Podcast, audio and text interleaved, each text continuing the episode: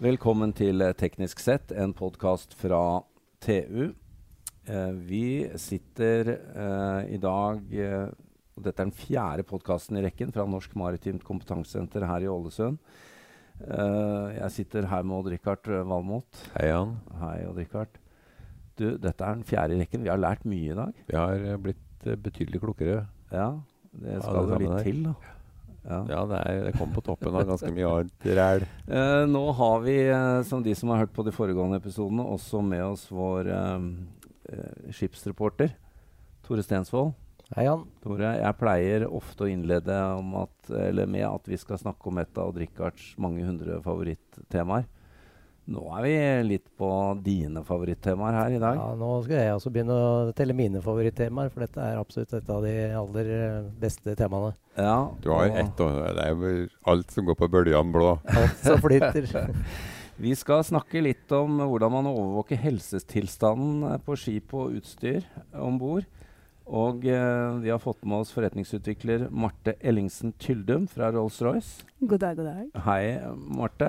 Nå, du hører at vi er veldig interesserte og entusiastiske her. Veldig. Det har vært veldig hyggelig så langt.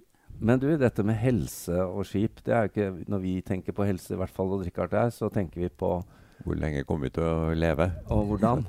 Ja. Og hvordan? Men er helsebegrepet også brukt altså på skip og skipsutstyr? Ja, absolutt. Det, du kan egentlig dra til parallellen. Hvor lenge skal dette utstyret eh, leve, og hvordan kan det driftes best mulig? Mm. Eh, så det er noe samme parallellen eh, der også. Så, så det vi har altså Rolls-Royce har jobba mye med helseovervåkning i, i mange år. Vi kommer fra flyindustrien, der vi har størsteparten av uh, forretninga vår. Og der selges jo alle motorer med full datastream og helseovervåkning. Ja. Så, så det vi har gjort, er jo da i, i mange år å, begynne å se på det. Hva kan vi lære? Hvordan kan vi få dette over til det maritime markedet? Begynne kanskje litt enkelt med, med enkel sensorovervåkning, og så utvikle det videre til både helseovervåkning, som hvordan skal vi få mest mulig ut av hver enkelt komponent og hver enkelt utstyr. Men også det med forbruksmonitorering, som handler om hvordan du skal drifte systemet best mulig for å rett og slett forbruke minst mulig. Da. Mm. Og det var nettopp det, det dere så vidt begynte med, så vidt jeg skjønner, den avdelingen du jobber i. At dere begynte å hente inn eh, forbruksdata på um, de forskjellige motorer, og da antakeligvis mest på det dere hadde levert fra Bergen Diesel. Men så, så eh, ja, hva skjedde da, når uh, de dataene ble hentet inn og tatt med på kontoret, og der sitter rederen uh, og går gjennom uh, Excel-arkene sine og ser at her er det mye forbruk? Her er mye å hente. Jo, det som da skjedde, som vi lærte veldig mye av, var at reder ringer båt og forteller at jeg ser at du har operert suboptimalt. Jeg ser at du har kjørt tre motorer der du kunne kjørt to, osv. Uh, hvorfor gjør du det? Det er kapteinen som får denne telefonen. Kapteinen får den telefonen, og kapteinen vil da selvfølgelig ikke være like fornøyd med den telefonen, og heller kanskje ikke være helt enig. Jeg Har ikke lyst til å være suboptimal kaptein, eh, Odd Rikard. Nei, jeg skjønner det. Det er følelsen jeg har når du har vært på besøk. Nei, så det, det man da gjør, er å, å ta inn den kapteinen og ta inn et par andre kapteiner uh, og si hvordan kan jeg lage et system som, som gjør at du ikke får den telefonen?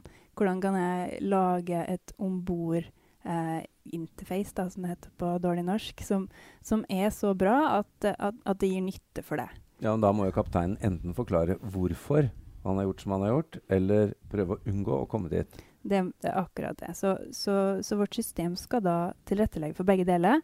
Først unngå å komme dit Mm. eh, ved å gi enkel rød-grønn lys på nå opererer du enten som forventa eller utafor forventa. Og hvis du opererer utafor det som er forventa, forbruker mer, hvor er problemet? Eh, er det på trøster, er det på motor, eller hvor er vi? Så han kan da med en gang gå inn og se hvor eh, han opererer utafor det som er forventa for sin båt i sin operasjonsprofil. Men om det så kommer at han godtar den, det røde Ja. lyset, så skal han også ha en mulighet til å logge hvorfor, Ja. og, og fortelle det kjapt inn. Ja, og hvis, eh, hvis da denne kapteinen har uh, kjørt uh, suboptimalt, Da må du ha noe referansegrunnlag. Så altså må du enten ha overvåket dette over lang, lang tid og vite akkurat hvor mye du bruker, eller så må du bruke en form for maskinlæring. Mm. Uh, ja takk, begge deler.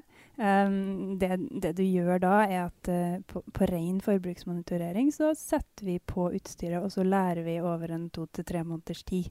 Uh, da ber vi kanskje også mannskap om å operere litt annerledes, sånn at vi kan få samla data på, på, på, alle slags operasjonsmoder. Da. Det Men, ja, ja, unnskyld. Nei, fortsett. Det finnes altså suboptimale og veldig Og mannskap med god performance, da. Du, du, kan egentlig klassifisere. Det høres jo litt skummelt ut. Litt skummelt er det, men det er derfor det også er veldig veldig viktig å sette mannskap i fokus når du lager den type, ja. den type systemer. Sånn at de, disse systemene skal være en, en hjelp og en, en, støtte og rett og slett et opplæringsverktøy til det mannskapet. Sånn at uh, litt uavhengig av hvor man var før man begynte, så skal man ha eh, et potensial, og man skal kunne enkelt se hvor det er hen. Men da blir jo neste spørsmål hvor lenge skal man holde på sånn, og ikke bare overlate til uh, datamaskiner å operere båten? Det er et uh, godt spørsmål, og det er vel mer um, mindre teknologien som setter uh, stoppere her, og mer eh, ut mot hva har vi lyst til å gjøre, og hva er markedet klar for å gjøre, eh, i form av det med mer aktiv implementering av, av de rådene. Men at det er framtida, det er det ingen tvil om. Hva, hva, men hva er, hva er, forskjellen på, på en, en, sånn manuelt operert båt uten et sånt system, og en som overvåkes og optimaliseres i drivstofforbruk, hvis du har et sånn grovt snitt? i forbruk. Så avhengig av uh, hvordan båten brukes, så ser vi mellom kanskje 10-15 uh, og ned til uh, en 3-4 hvis, hvis, den er optimalisert på forhånd. da. Men, ja. uh, men, flere rapporterer godt over 10 besparelse. Blir det store tall da, når uh, drivstofforbruket står for så stor andel av utgiftene? Ja, det er Det er rundt en 50-60% på en ja. del av fartøyene. Ja, da blir det fort vekk penger av det. Ja, absolutt. Men så har du jo da muligheten for å hybridisere, så du kan bruke batterier f.eks. Og da vil jeg tro at dette verktøyet kan være veldig nyttig for å se effekten av å sette inn en batteripakke. Kjempe, kjempenyttig og veldig spennende, for da kan du begynne å bruke den både før du setter på pakken, uh, og gå gjennom driftsdata på den spesifikke båten og se hva slags batteri skal jeg sette på den båten. Hvor stort skal det være? For du vil jo ikke ha et for stort, og du vil ikke ha et for lite batteri. Uh, og du vil ha den riktige pakka for det den båten faktisk skal gjøre. Og så vil du også gi det mannskapet den beste manualen mulig, som da selvfølgelig er en ombordapplikasjon, som gjør at den kan fortsette å optimere det nye fartøyet, som, som da er et tak mer kompleks enn det den hadde før. Mm. Marte, du uh, viste oss uh, her uh, før sending et ganske fancy kontrollsenter. Mm. Eller demorom, eller hva de kaller det. Der uh, så vi jo at uh, det å operere et skip er jo ikke, er jo ikke bare uh, bokstavelig talt rett fram. Det er veldig forskjell på om du ligger til havn eller er i manøvreringsfase, eller om det er full gass. Eller, og, så det er ganske kompliserte ting, da. Det er ganske kompliserte ting, og du har veldig og mye mange planlegging. Det er mye planlegging, i hvert fall når du skal, skal, skal, begynne å optimalisere og endre båtene. Så er det mye planlegging, og det er viktig å forstå eh, hva det er båten din har gjort, og hva det er båten din skal gjøre. Eh, sånn at du ikke Hvis du, vil ha, hvis du f.eks. bare velger å optimalisere ut fra manøvreringsfasen, så går du glipp av et stort potensial i uh, det som heter transittfase, eller f.eks. ja. når den ligger ved havn. Så du må forstå alle. det er stor forskjell på et offshorefartøy som går mye, eh, eller korte avstander med mye stilleligging og action, ja.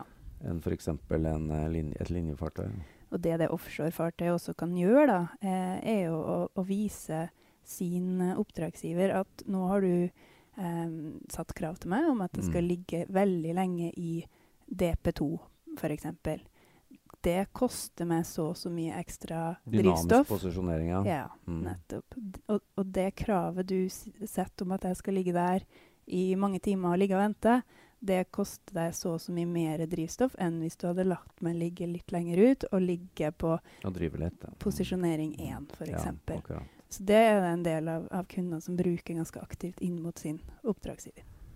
Mm. Tore, Uh, jeg har uh, lært har fått litt sånn voksenopplæring innenfor denne maritime sektoren. og jeg har skjønt det at en av de tingene som virkelig kommer nå, er jo ganske uh, ganske strenge krav til reduksjon på utslipp. Det gjør det. IMO vedtok i april at de har som mål å komme ned i 30 eh, og 50 40 eh, fram eh, mot 2050. Eh, og da skal det redusert CO2-utslippene med 50 Marte, dette må jo være en kjempegave til en, en, bedrift som driver med sånne systemer som det dere gjør?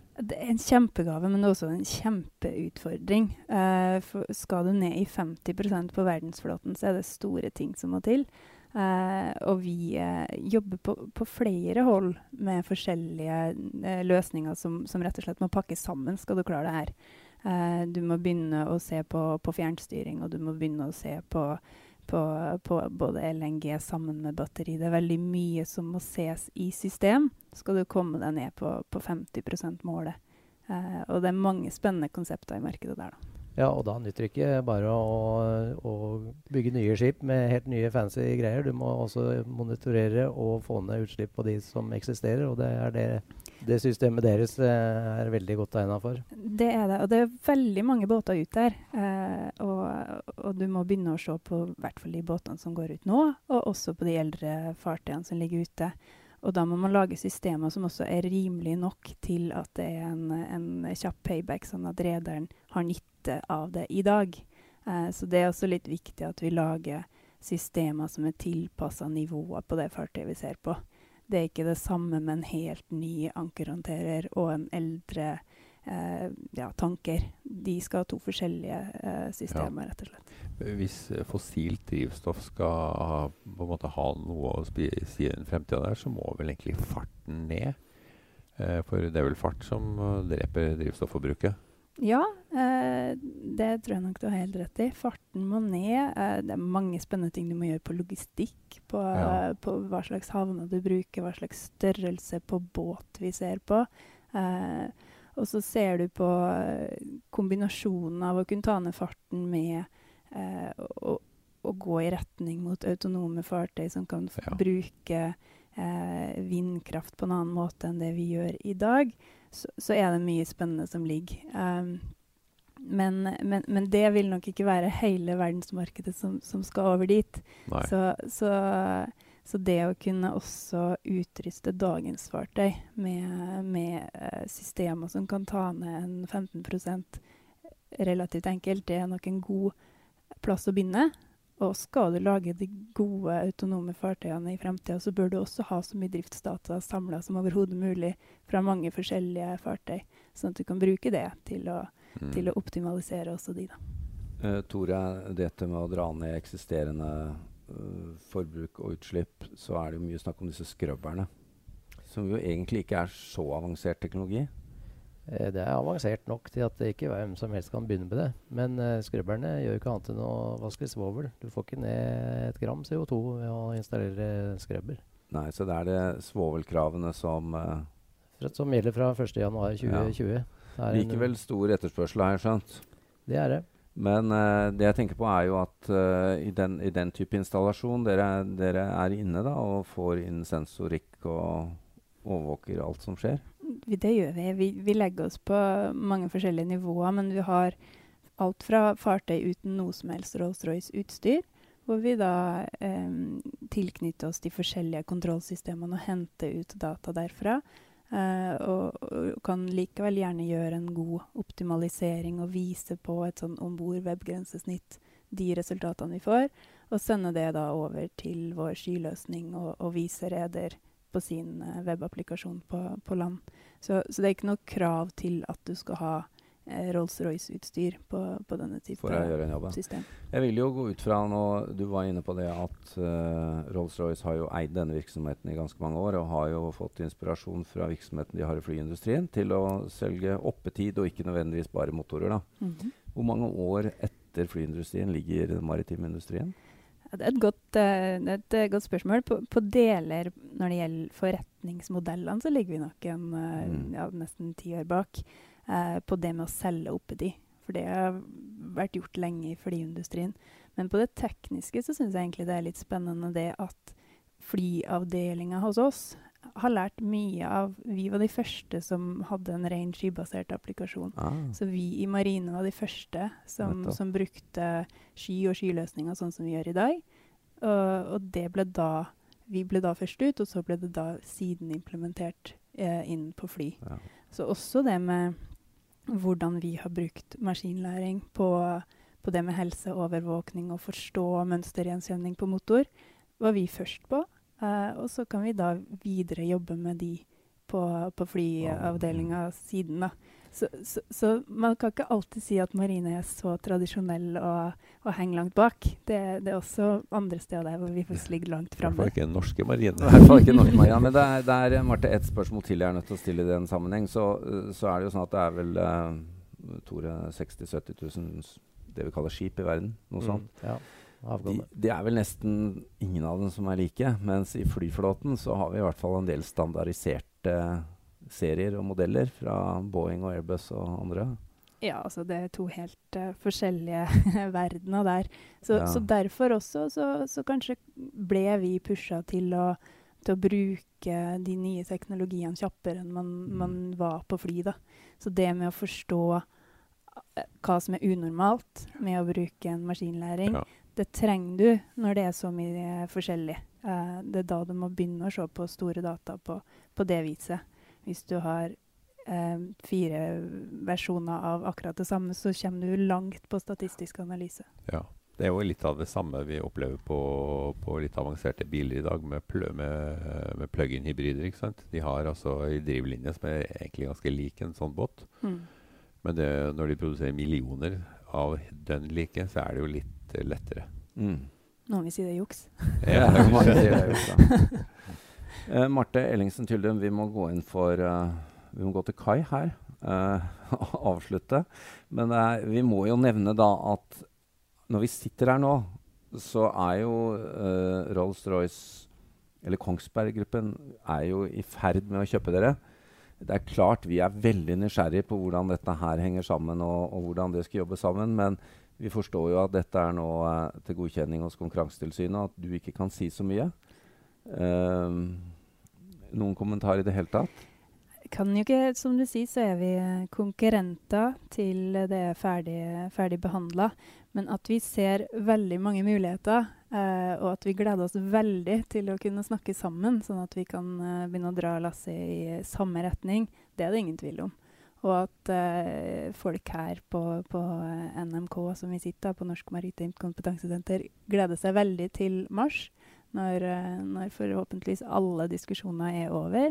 Det, det er helt, helt klart. Så med den installasjonsbasen man har, hvis du kombinerer de 25 000 båtene vi har utstyr på, og de 20 000 båtene de har utstyr på, så har du en kjempespennende framtid også på Ja. dataanalyse.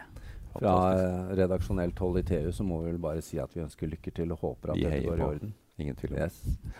Marte, takk for oss. Takk skal du ha.